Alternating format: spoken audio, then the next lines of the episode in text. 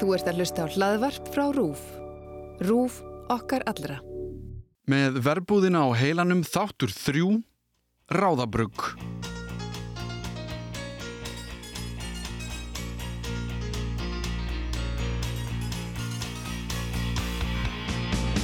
Við sjóminn voru kallaði fyllubittur því við döttum í það sko í miðri viku. Áskorundan lágu klárlega í það að sveppi misti hendina sína.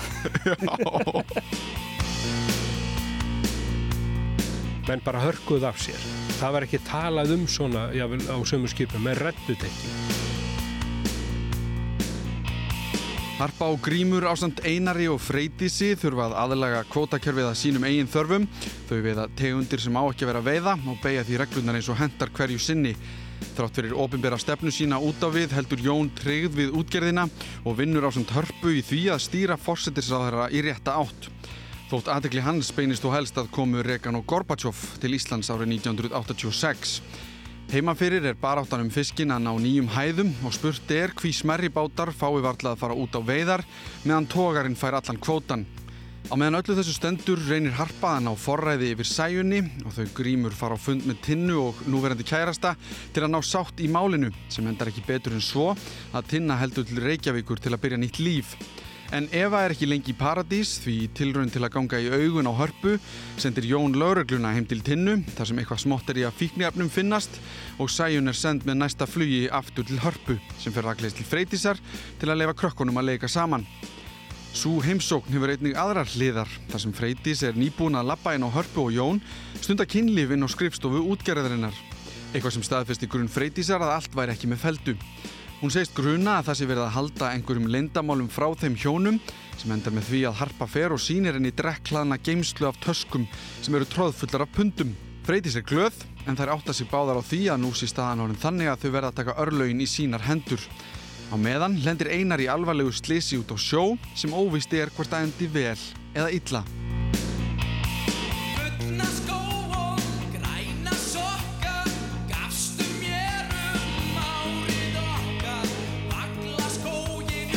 Velkomin í þriðja þátt af með verbúðina á heilanum. Ég heiti Allimár Steinarsson og eins og áður er af nógu að taka. Í þætti dagsins ætlum við að tala við Hilmar Snorrason, skólastjóra Sleisavarnaskóla sjómanna sem veit meir en flestum sögu okkar Íslendinga á sjó. En áður en við heyrum meira um það allt saman þá lág beinast við að tala við brellumistara þáttana, Davíð Jón Augmundsson, um hvernig þau fóra því að láta sveppa missa hendina á samt öðrum töfrum sem við tökum kannski ekki eftir þegar við horfum. Ég heiti Daví Jón Amundsson og ég vinn í Brellum. Eh, Ég byrjaði þetta eh, árið 2003 hjá Rúf, ekki Brellum þá, ég byrjaði í Klippi. Síðan tekið smá hlið árið 2005, flytt út til Kanada og læra þess meira. Kem aftur heim og finn ekki vinnu við Brellu hér. Það er bara ekkert í gangi þá. Og svo þegar að framlýða stundir þá fæ ég bara vinnu aftur hjá Rúf, fyrir að vinna bara í grafík. Þanga til 2012, þá líkur því og ég fer að vinna hjá Latabæ við brellur, mjög fegin að komast í það. Latibar heldur áfram í uh, eitt og hálft ár eftir þetta og svo strax í kjölfærið á því að þá detti ég inn í Everest æfintýrið sem er orðið frækt og síðan rúlar boltin bara þangað til að við erum hérna í dag. Ég fer frílans með mitt eigið batteri í gang og sinni í íslenskum verkefnum borð við Víti Vestmannum og Stellu Blómkvist og fleira og flytt síðan aftur út í Danmerkur og vinn í aðeins stærri verkefnum þar, kem síðan aftur heim og þá dettur kalla upp í fangið á mér og að því loknu að þá sittum við hér. Ég held við getum rætt brellur, okkur neinn bara hvað brellur séu bara í mjög langan tíma. Já, já. En af því þú nefnir bara þessi verkefni, Stella Blomqvist, Víti Vestmannum, Kalla, verbúðin sem við erum að tala um í dag, hvernig var að vinna við hana og kannski miða við önnu verkefni og líka bara sem bara svona verkefni yfir höfuð, hvað var erfiðast og hvað, hvað, hvað lágu áskorunar? Sko, áskorundan lágu klárlega í það að sveppi misti hendina sína. Já, það er ákveðin áskorun. Það er ákveðin áskorun, maður nennáttúrulega vildi ekki láta hana, láta, láta hana hendi. Þannig að þetta var, var svona, þetta var tvíþætt, annars vegar þurfti hann að missa hendina og hins vegar þurfti hún ekki að vera á honum ári setna í þætti tvö. Mhm. Þannig að það var svolítið mikil pæling sem að fór í það hjá okkur og hvernig á að lúka þegar hann missir hendina. Í raunveruleikanum eftir samtal við lækni að þá þá er þetta rosalega óáhugavert þegar menn missa hendurnar svona blóðið spýtist út úr þeim bara eins og gaslingu Já, það er ekkit að slettast eða frussast út um allt eins og það gerir í þáttunum. Já, þannig að við erum svona svolítið að velja veist, hvað, hvað lukkar áhugavert og svona nógu, sjokkarandi nógu sjokkerandi fyrir Já, því að raunveruleikin lukkar ekkert svona sjokkerandi. Nei, við skutum þetta í tvennu lagi. Annars vegar með sveppa bara með sína hendi og þannig að leka þetta tvisvar og hins vegar með, með stuppin, svona gerfistupp mhm, og við enduðum með að nota þennan gerfistupp stupp, það sem hann lukkaði bara betur heldur en það sem var hægt að gera á, þeim tíma sem við höfðum. Já, En það var ímislegt sem að þurfti að spá í. Stuppurinn, þessi gerfustuppur lúkkaði náttúrulega bara eins og hendin hefði verið skoðurinn af með heimsýnst beittasta já, Þannig að það þurfti aðeins að bæti í tæjurnar á þessu líka og svo var þetta bara svona svolítið fram og tilbaka. Bara, nei, þetta er ekki alveg, veist, aðeins meira fruss, aðeins minna fruss og svona hvað, hvernig, hvernig á þetta er að lukka og þú veist, svo síndum við fullt af fólki þetta og allir hafa sína skoðanir sko. svo, svo endaði þetta eins og þetta endaði og það er bara mjög skemmtilegt en svo er það í þætti tvö þar sem hann er, er í sturtunni sérlega minninga og fær raflost og fær raflost af sturtu mm. sem er skemmtilegt það, það er eitthvað eitthvað fyndið við að sjá nakin mann fá raflust í sturtu Já, já, ég meina, þetta er óþægilegt en fyndið þetta er óþægilegt en fyndið já. Já. Þá var pælingin þú veist, hversu, hversu gróin á hann að vera árið setna og, Já, auðvitað. og hversu mikið sjáum við? En svo náttúrulega tæknilega áskorunin að reynsa þetta út og láta þetta lukka eins og, eins og þetta hafa alltaf verið svona. Þá er sko eiginlega tvent sem ég langar til að spyrja sko, sem er að þú talar um lækni. Já, voruð þið í þú veist, þessum samskiptum við lækni sem veit alveg hvernig þetta virkar? Upp á bara, heyrðu, hvernig látum við dæmitt að því að eins og segir, hversu vel er hún gróin? Já, þú veist, var það þá, heyrðu, hversu vel á hún að vera gróin? Já það, það er svolítið, þannig er svona smá balans skilur, hvernig, hvernig lukkar þetta í raunveruleikanum og hvernig, þú veist, hvað sjáum við í rauninni? Já, Þú veist, hvað, hvað erum við að hafa miklar áhyggjur af hversu raunverulegt þetta er, Já. já. versus bara hversu vel þetta lukkar. Já, en sko þá er eiginlega spurningin sko hvað, hvað er það sem þið gerir hvernig veist, hvernig látið þetta líta svona að því ég horfði á þetta og ég hugsaði bara þú veist, ég held ég hafi ekki hugsað neitt skilur mig, að ég held að þetta er erfitt að þetta er sveppi. Já. að þá þekki maður sem Íslendingur þá þekki maður karakterinn og hugsar, hann er með tvær hendur, ég veit það. En í þáttunum þetta er svona eins og ég talaði um við Sigga Bahama með ljósin, við búningan Rebecca Möggu, þegar þetta gengur upp að þá pælir maður ekki í skiluru, byrju, hvernig gerðu þið þetta?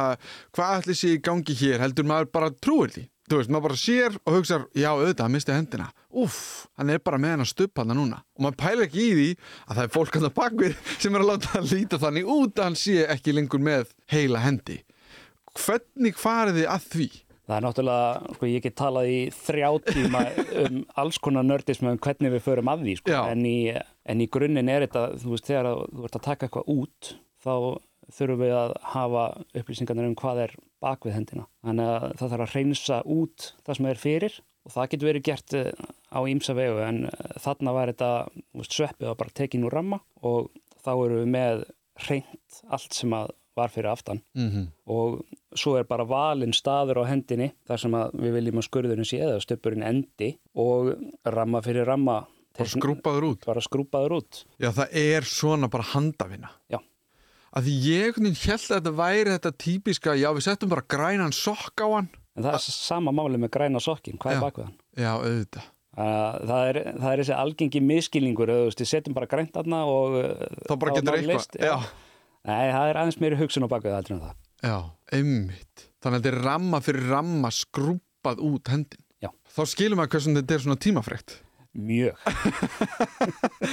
En sko, þetta er sveppi. þetta er sveppi. En af því að við erum búin að sjá þriðja þátt, þá er til dæmis, uh, já, það er eitt atriði þegar þetta sem er mjög óþægilegt. Já, uh, þegar Einar fær bara pinna í gegnum hendina og inn í andlitið á sér.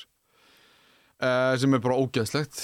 Já, en uh, sko eins og þar að því við tölum um hendina á hann þegar hann missir hendina þá er náttúrulega er eitthvað svona props í gangi. Hann er með gerfi stubb eða eitthvað slíkt sem að tekur þetta upp tvisvar auðvitað getur hann bara haldið einhvern veginn pinna, þú veist, það er einhvern veginn á staðnum getið sett þetta upp þannig að hann bara bara sprauti einhverju gerfiblóði á hann og eitthvað svo leiðis en við tölum aðeins um það þegar við tölum saman í síma að þið eru líka að gera svona ymsa aðra hluti sem eru kannski hvað ekki alveg jafn tímafrengir og því að taka hendin og sveppa heldur kannski, hvað, hvernig getur mála skreita ramman þeir eru aðeins að bæta, gera hann raunverulegri gera hann einhvern veginn, þú veist, svona raunverulegri var held ég mín besta lýsing sko. er, er það ekki rétt? Þið eru líka eins og í atrinu það sem að fær pinnan þá eru þið að svona mála aðeins í kring Uh, já, það, þú veist, það er eh, eins og í pinnanum að þá, þá var nú eiginlega eina sem við þurftum að gera var að reyns út smá teip sem að hjælt þessum pinna. Uh, restina af blekkingunni átti sér staði bara í klippi. Af því að ef þú spáir í því þá sérðu aldrei pinnan fara í andlitið á honum. Nei, þú, þér finnst þú finn, finnst já, það, já. já, einmitt. Og þá náttúrulega eins og þú sagðir ef hann er með teip þá er bara ykkar að skrúpa teipi burt. Já, sem að getur verið alveg sko, oft á tíðum alveg bróðuparturinn af vinnun okkar að reyns út bara einhver, einhver rigg og einhver teip og kannski ljós sem að sást á óvart eða bómumæk kemur í toppin á rammanum. Já, bara hreinsa. Já. Og er það algengt nú, af því ég viss, ég fattaði þetta ekki er algengt síðan þá að, að því að eins og með Sigga, ég talaði við hann og hann sagði ok, hvernig skotið, hvernig get ég líst ætlaði að vera í mjög víðum ramma ok, þá get ég ekki verið með ljósin eins og ég vil hafa þá verð ég að vinna með, er algengt að því að nú er komið mjög fært fólk í eftirvinnslu eins og þið er það að vera algengara þá að fólk segir bara "Eh, já, látum þetta bara vera þarna til þess að láta þetta ganga upp þeir hins þetta bara burt í post Það er orðið hættulega algengt. Mér grunaði það Ég náttúrulega, eh, ég borga mína reikninga byggt á því að fólk gerir mistök sko. Já, einmitt það, er, það er svolítið þannig. En, en það er orðið svolítið hættulega algengt. Fólk uh, treystir stundum aðeins of mikið á þetta. Já, Því að náttúrulega sko, okkar vinna eins og allra annar að kosta peninga og kannski ekkit endilega fyrir séð þegar það er komið á borðið til okkar Mhm. hvað, hvað, hvað mikið eftir. Sko.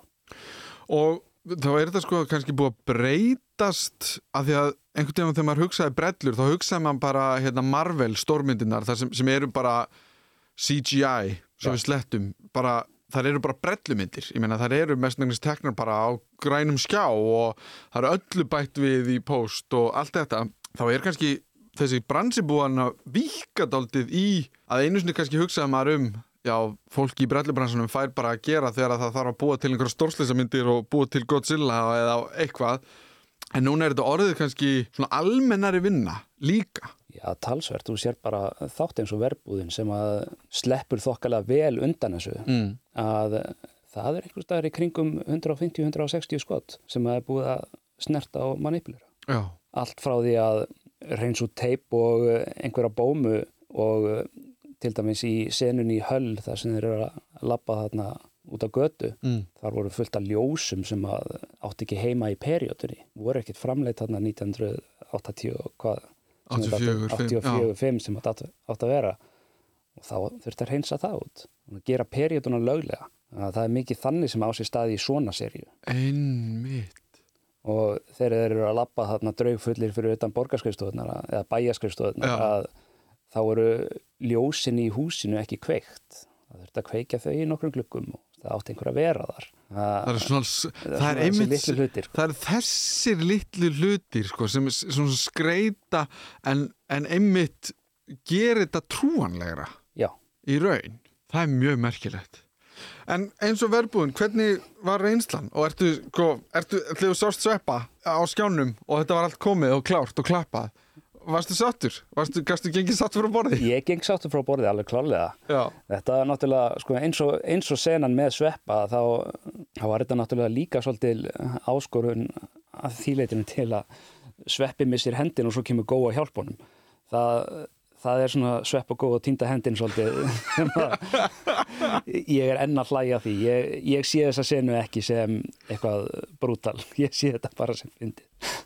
En ég geng klálega sáttu frá borði og þetta, þetta tókst allt saman rosalega vel og ég held að allir sem að hafa unnið að þessu geta verið bara mjög stoltir.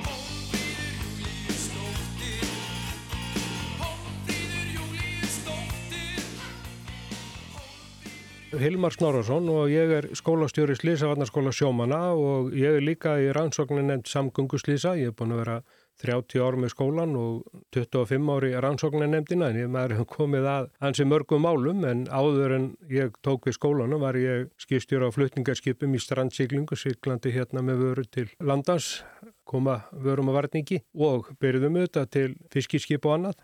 Og þá kannski bara, að því mér langar alltaf til að byrja með, þegar að þú ert að horfa þess að þetta sem að hefur, já, ég myndi segja að, sko, mun meiri reynslu og þekkingu á öllum þessum hlutum sem er í gangi að, að minnst að kosti hvað var það skipin og mm -hmm. sjómennsku heldur en nokkuð tíman ég finnst þér erfitt að horfa á þetta, óþægilegt finnst þér þetta trúverðugt? Nei, það er ekkit erfitt að horfa á það og uh, þetta er náttúrulega ég horfi á þetta fyrst og fremst sem bara sögu og kvikmynd sem að getur auðvitað ekki alltaf fyllt hinnum raunveruleikanum sem er því að þetta þarf auðvitað að vera ykkur ákveðin spenna.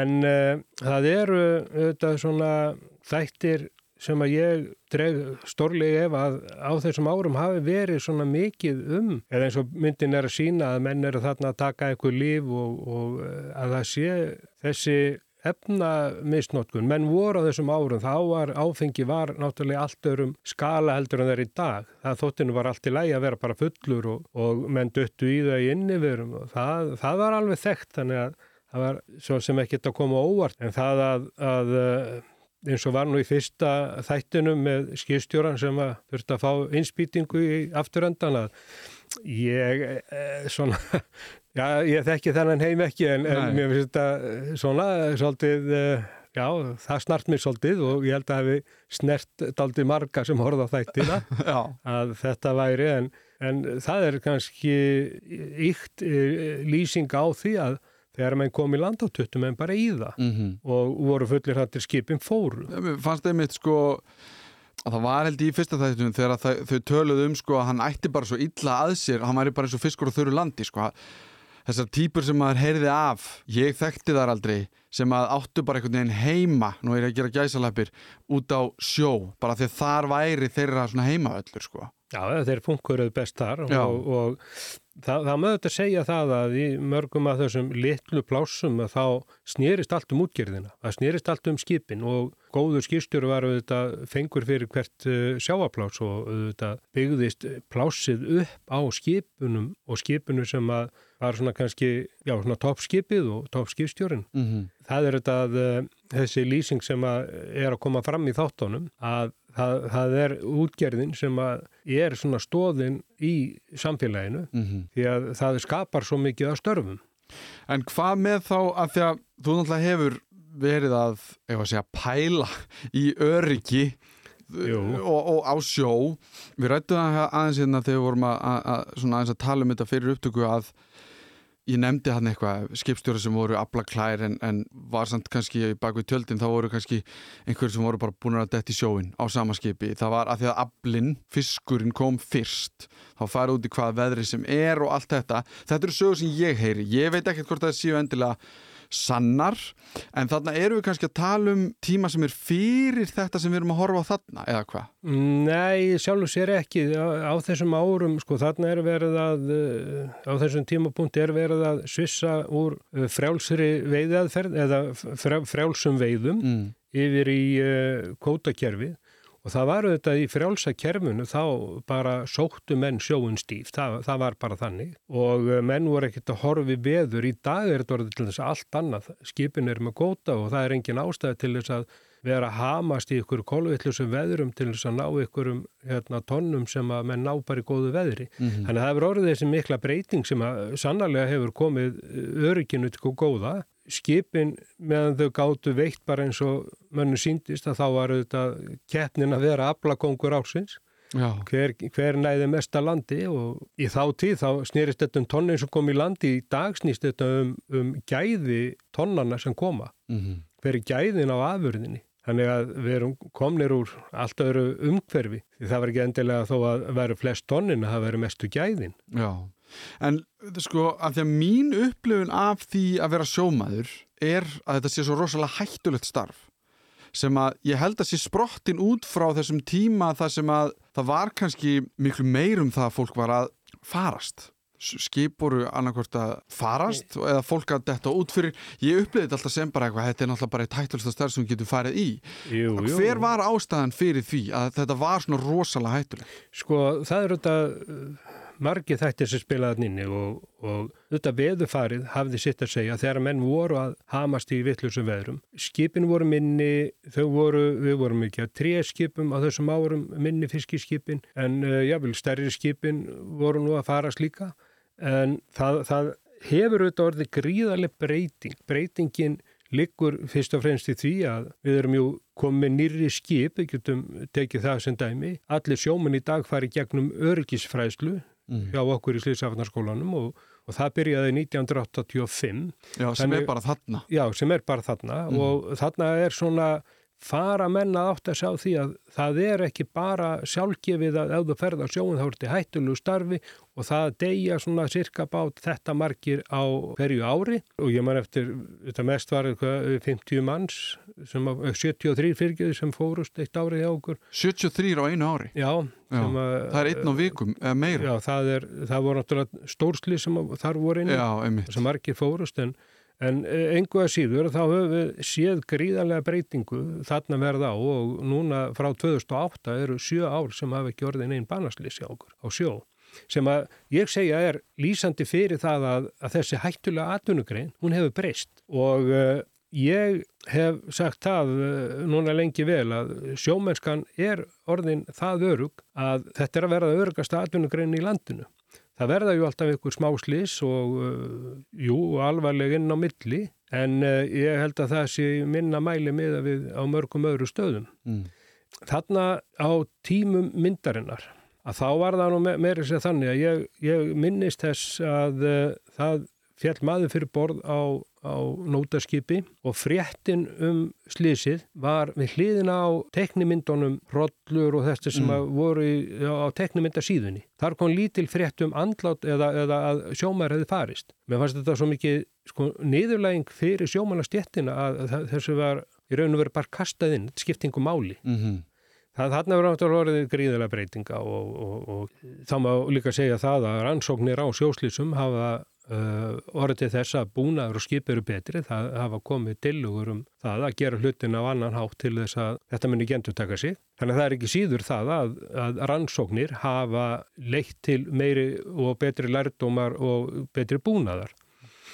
Skoðun skipa, jú, hún hefur vantanlega uh, breyst mikið frá þessum tíma en Ég held að það sé fyrst og fremst hugafar sjómansins vegna þess að það er alveg sama hversu skipið er já, gamalt eða nýtt og uh, hversu ofta er skoðað af skoðunamönnum. Það er auðvitað hvernig sjómaðurinn sem eru borðið í skipinu við heldur skipinu sinum en er, er þar um borð. Því að þetta er eins og með bílun okkar, þegar við förum með hann í skoðun, þá er raun og verið tekin bara mynd af bílnum akkurat þennan dag. Þannig að það segir ekkit hvað það verið í lægi heilt ár. Það er undir okkur sem bílstjórun koma, það er akkurat saman með sjómanni. Mm. Þeir þurfa síðan að, að sjá til þess upp á alla daga ársins að faratæki þeirra sé örugt og enginn sé að slasa sig. En ef við förum þá úti að því að við erum búin að tala um já, slísin sem voru kannski að gerast meira fyrir þennan tíma og en við fórum kannski að huga því bara öryggi fólks á skipum og, fleira slísin í þáttunum sem við erum búin að sjá þannig að fyrst er það sveppi sem festist þannig í uh, tæki sem ég manni hvað að kalla afhausunarvél eða eitthvað. Uh, sko, fyrst er það það sem við sjáum sem að gefa svona til kynna ok, þetta er fyrir hættulegt starf. Uh, þú ert kannski ekki alveg þar í þeim bransa en síðan er það í öðrunum þætti þá er eitt sem dettur fyrir borð. Já, sko, í fyrsta leið þá náttúrulega skilur maður ekki hvað hann er að gera hann út í dýrvillisu veðri á bara þilfærinu Ég, nú er ég sko að reyna að krabla mig út úr því að ég Já. veit ekki hvað hlutinni heit á skipum en hann er hann það sem trollið er eða ekki hann er eitthvað starf hann aftan í bát já hann, er, hann, er á, hann er á drolldekkinu og Já. fer þarna út í síðu því að það er þarna atriði sem kemur þegar þeir koma úr landi eftir að hafa hitt þarna brettan og keift af þeim uh, einhverja pillur eða eitthvað, eitthvað hann ætlar að ná í eitthvað til að halda sig vakandi. Já, ef ef við tökum þetta og, og kannski byrjum á þessu atviki sem talaður um upp í fiskvinnslunni og eins og ég nefndi, ég veit ekki hvað tækjan var við, ég Mm. þekki ekki þessi tæki og flutninga uh, skipa skipstjóri, þá flutti ég þessi tæki en ég hef aldrei unni með þau. En uh, mér minnist það saga sem var sögð fyrir mörgum ára síðan að það var, það var svona slís í, í fiskvinnslu og það auðvitað stoppaði öll vinnan uh, strax og maðurinn var fluttur í burtu og, og vera bara á sjúkrahús. En síðan var kallað til vinn eftir háti þetta gerist fyrir háti Mhm. og allir bara heldu áfram. Og þessi sem sagði mér þessa sögu og svo fór ég að spyrja í þetta og þá kom í ljós að því að það er alveg þekkt þegar að verða svona áföll að eftir ákveðin tíma þá hafa orðið uppskipt á mannskap. Og hann var nú alveg á því að þetta væri nú rétt svo koma til mig daginn eftir sagður, veistu það, því ég fór að hugsa þetta þá hættu allir, bara endur nýjast starfsfólkið á staðnum, við vorum örfá sem vorum eftir. Og það, það, þar kemur þetta áfall sem að fólk var fyrir af því að það var ekkert verið að sinna þessum áföllum nú varðandi atvikið um borð í skipinu þar sem að maðurinn fer, um, fer fyrir borð og það byrjar á því að færi einhverjum gemur upp í brú og, og byrður um eitthvað til þess að halda þeim vakandi Mhm. og Það er eh, ekki nóg. það er ekki, þeim fannst það ekki nóg, þeir vildu meira, mikill vill meira eins og það stendur og ég, ég dregaði stórlega ef að, að menn hafi verið að gera þetta. Ég hef aldrei heyrt sögur af því að menn hafi verið að nota amfetamin til þess að halda sér vakandi til þess að geta keirt skip áfram. Ég bara, uh, og ég trúi því ekki að slíkt hafi gerst. Mm. Þá er að menn að koma til mín og segja mér en þanga til þá vil ég ekki trúa því. En uh, þetta var þetta þekkt í setni heimstyrldina, menn notuðu þetta þegar að menn voru í, í baróttu við kápáta. En uh, ég, eins og segi, ég stóri efa við fiskveðar á Íslandi. Þú vilt ekki trúa því. Nei, ég vil ekki trúa því. Ég vil ekki trúa því. Þetta veit ég það að menn eh, höfðu áfengjum hönd þegar að var verið innivörum og margir duttu rækilegða og það, er, það, það, var, það var sá tími. Í dag er menn ekki að gera þetta Mhm. því að við sjóminn voru kallaði fyllibittur því að við döttum í það sko í miðri viku meðan að uh, allir voru vinnu af því að það var inniveran það var ekkert verið að koma í landum helgar á þessum skipum því að, að þá var ekkert verið að vinna í húsónum en þá voru allir í húsónum með fyllir í Mm. og það var aldrei verið að horfa á það því að sjómaður sem drekkur á, á, í miðri viku, hann var fyllibitta en ekki, því að hann var náttúrulega ekki til staðar um helgar.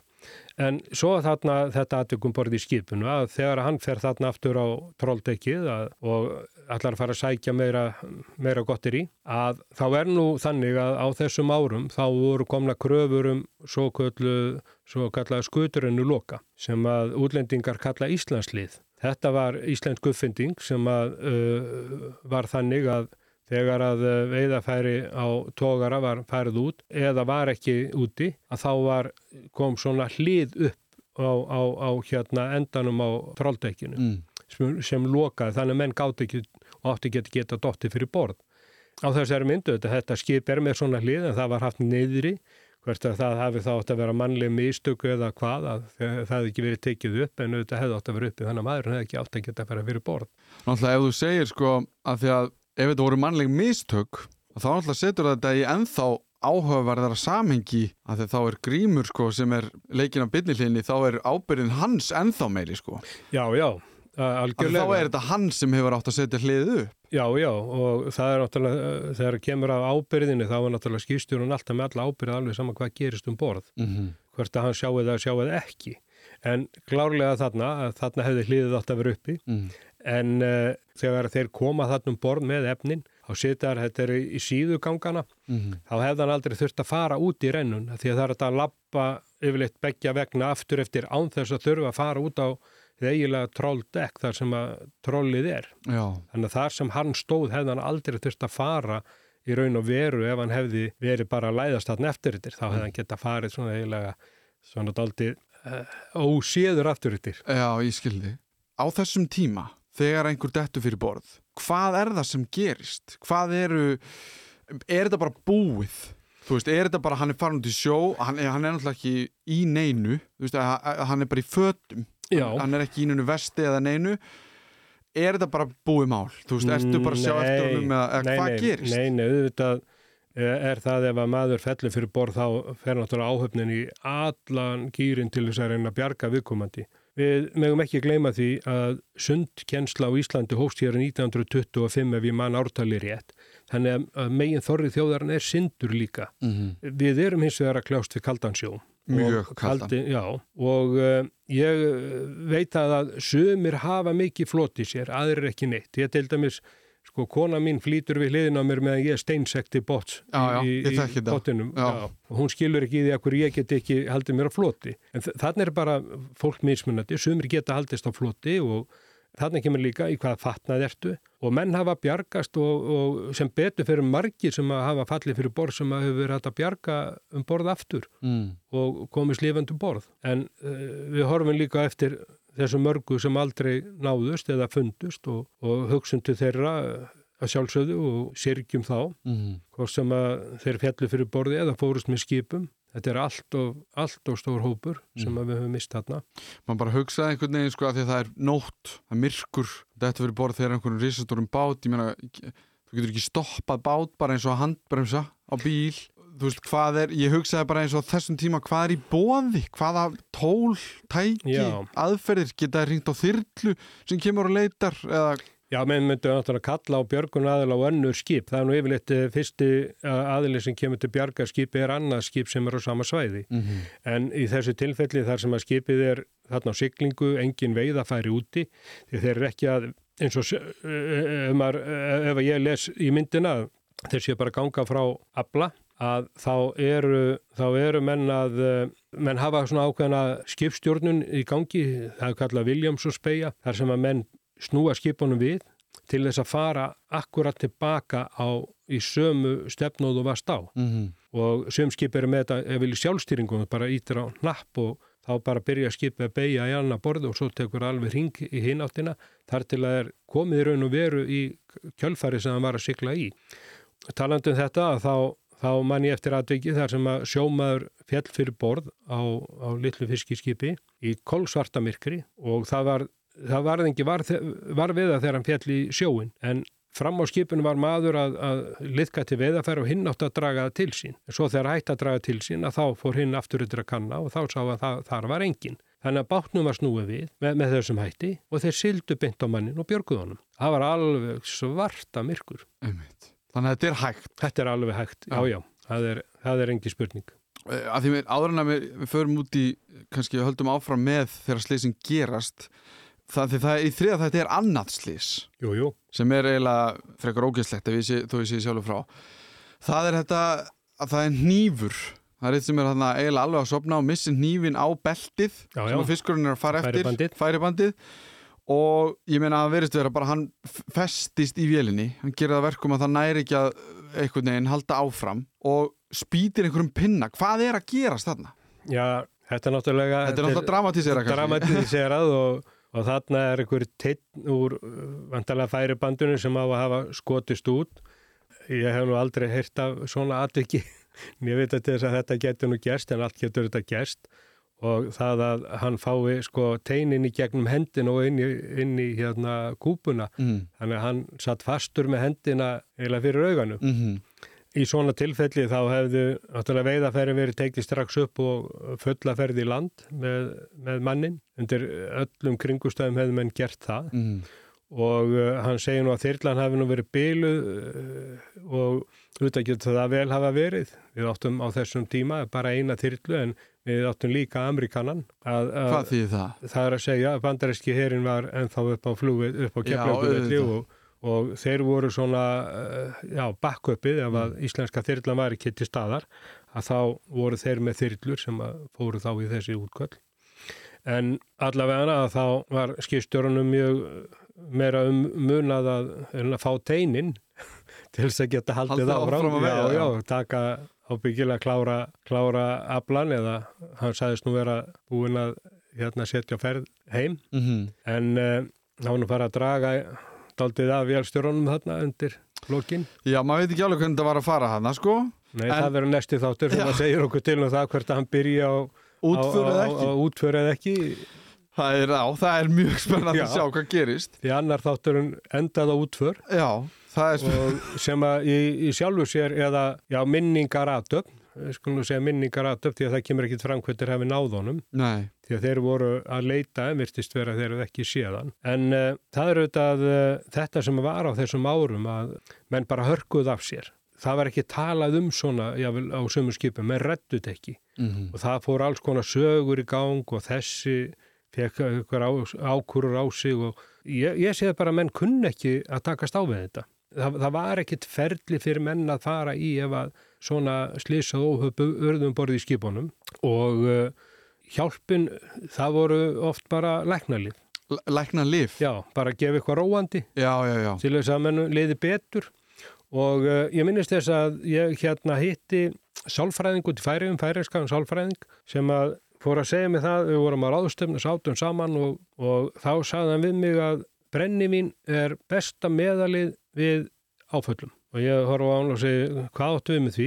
Jú, sjáðu, sko, ef ég verið fyrir áfalli, ef ég drekk mig fullan að þá, þá gleymi ég áhyggjunum en uh, þegar ég vakna daginn eftir að þá er, er áhyggjurna tvöfald meiri, þá bara held ég áfram og þannig verða menn sko sem hafa lendi áföllum yllilega fyrir barðinu áfenginu Mhm. af því að þetta var meðferðin sem menn höfðu á þessum árum þegar að ekki var til áfallahjálp. Í dag fá, geta menn sótt áfallahjálp. Ég tók við Sliðsafnarskólan 91 og á vormánuðu 92 þá fekk ég tvo lækna, Ölmu Möller sem nú er landlækni Mm. og Helgu Magnúsdóttir sem var svæfingalækni. Þær voru báðar þyrlulæknar og ég fekk þær í samflóti með mér að búa til námskið í, í endurmettunni meðferð lifja og læknisávaldum borði í skipum og uh, í þessu námskiði þá komum við inn áfallahjálp. Þá var hún bara algjörlega ný, menn höfðu ekki teirt talað um þetta. Ég man eftir fyrsta námskiðinu sem við heldum að þá, ég man ekki hvað það var 12, 14, 15 kallar á námskiðinu Mm. og ég satt og hlustaði á áfallahjálpina og, og ég hugsaði með mér, já, þetta var hún kannski ekki alveg að hitta í marki á mönnunum.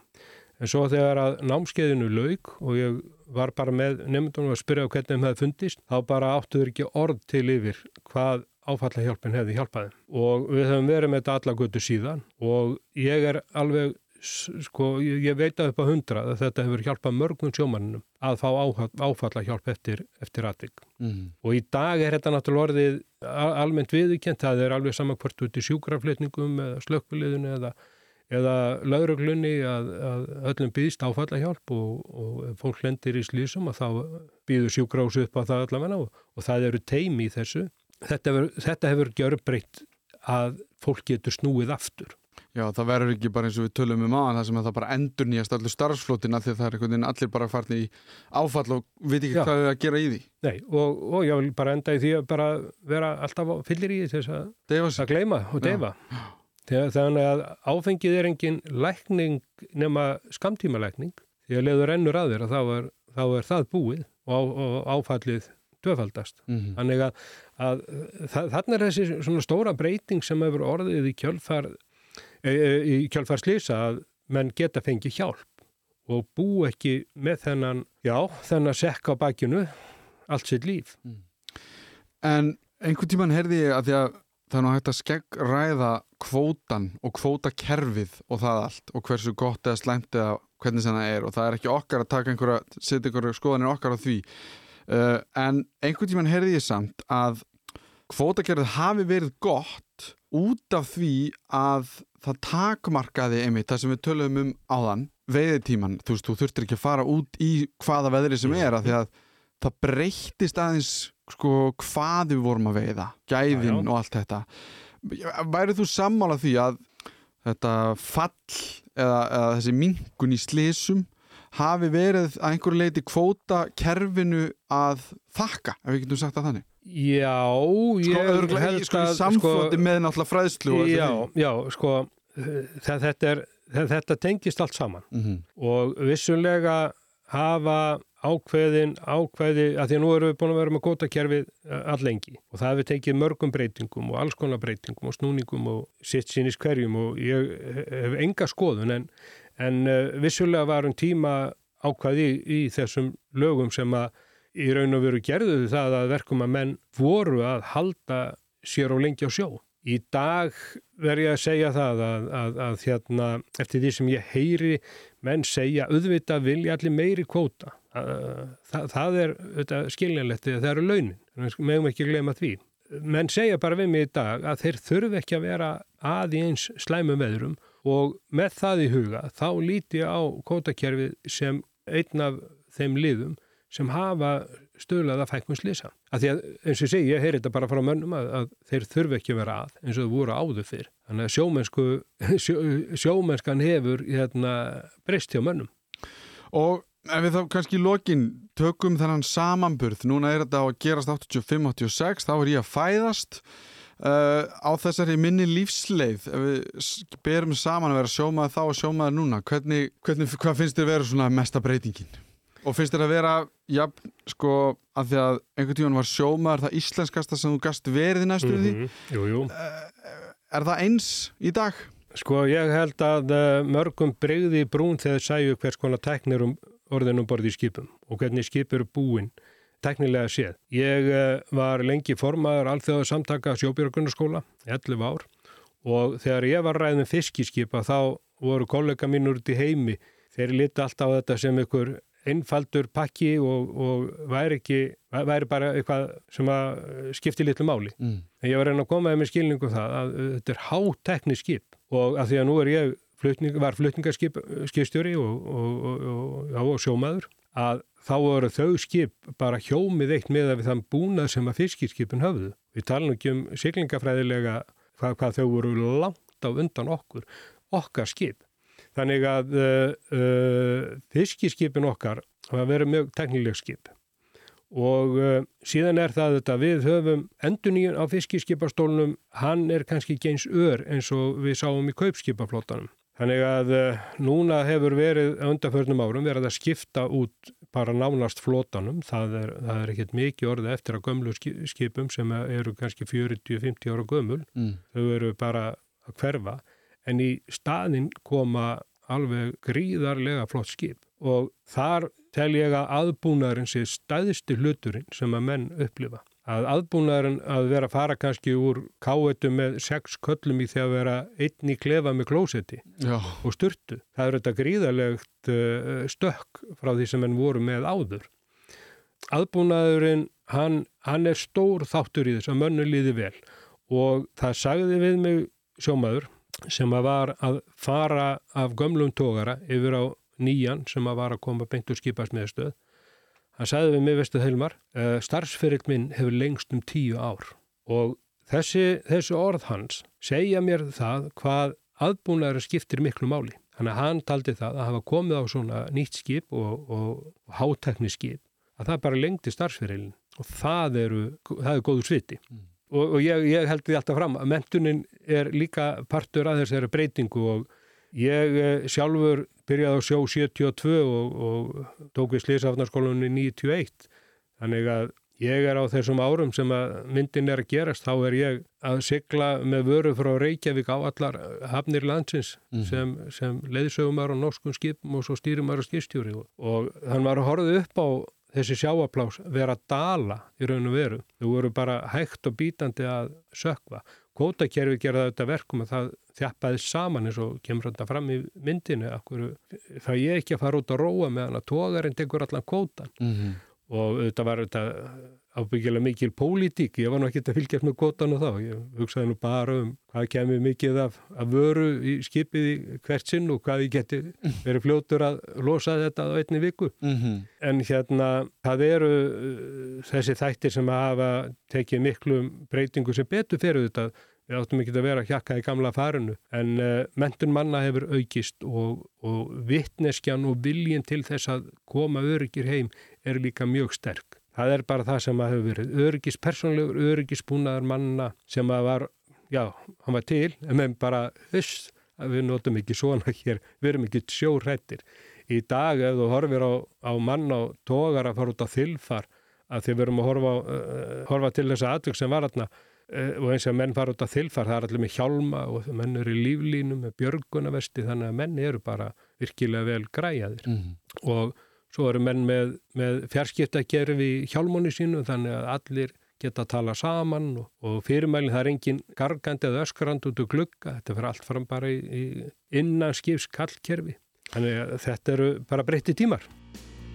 Þá er komið að lokum þáttarins í þetta skiptið. Það er vægast sagt hiti að færist í leikin og við eigum nóg eftir. Stærsta spurningin er auðvitað hvernig óskupunum fer fyrir honum einar okkar. en það kemur ljós í næsta þætti. Ég þakka Hilmar í Snorrasinni, skólastjóra Slísavarnaskóla sjómanna og Davíði Jóni Augmundsinni, brellumestara fyrir komuna. Takkum leið fyrir mig. Við heyrumt eftir viku í næsta þætti af með verbúðina á heilanum.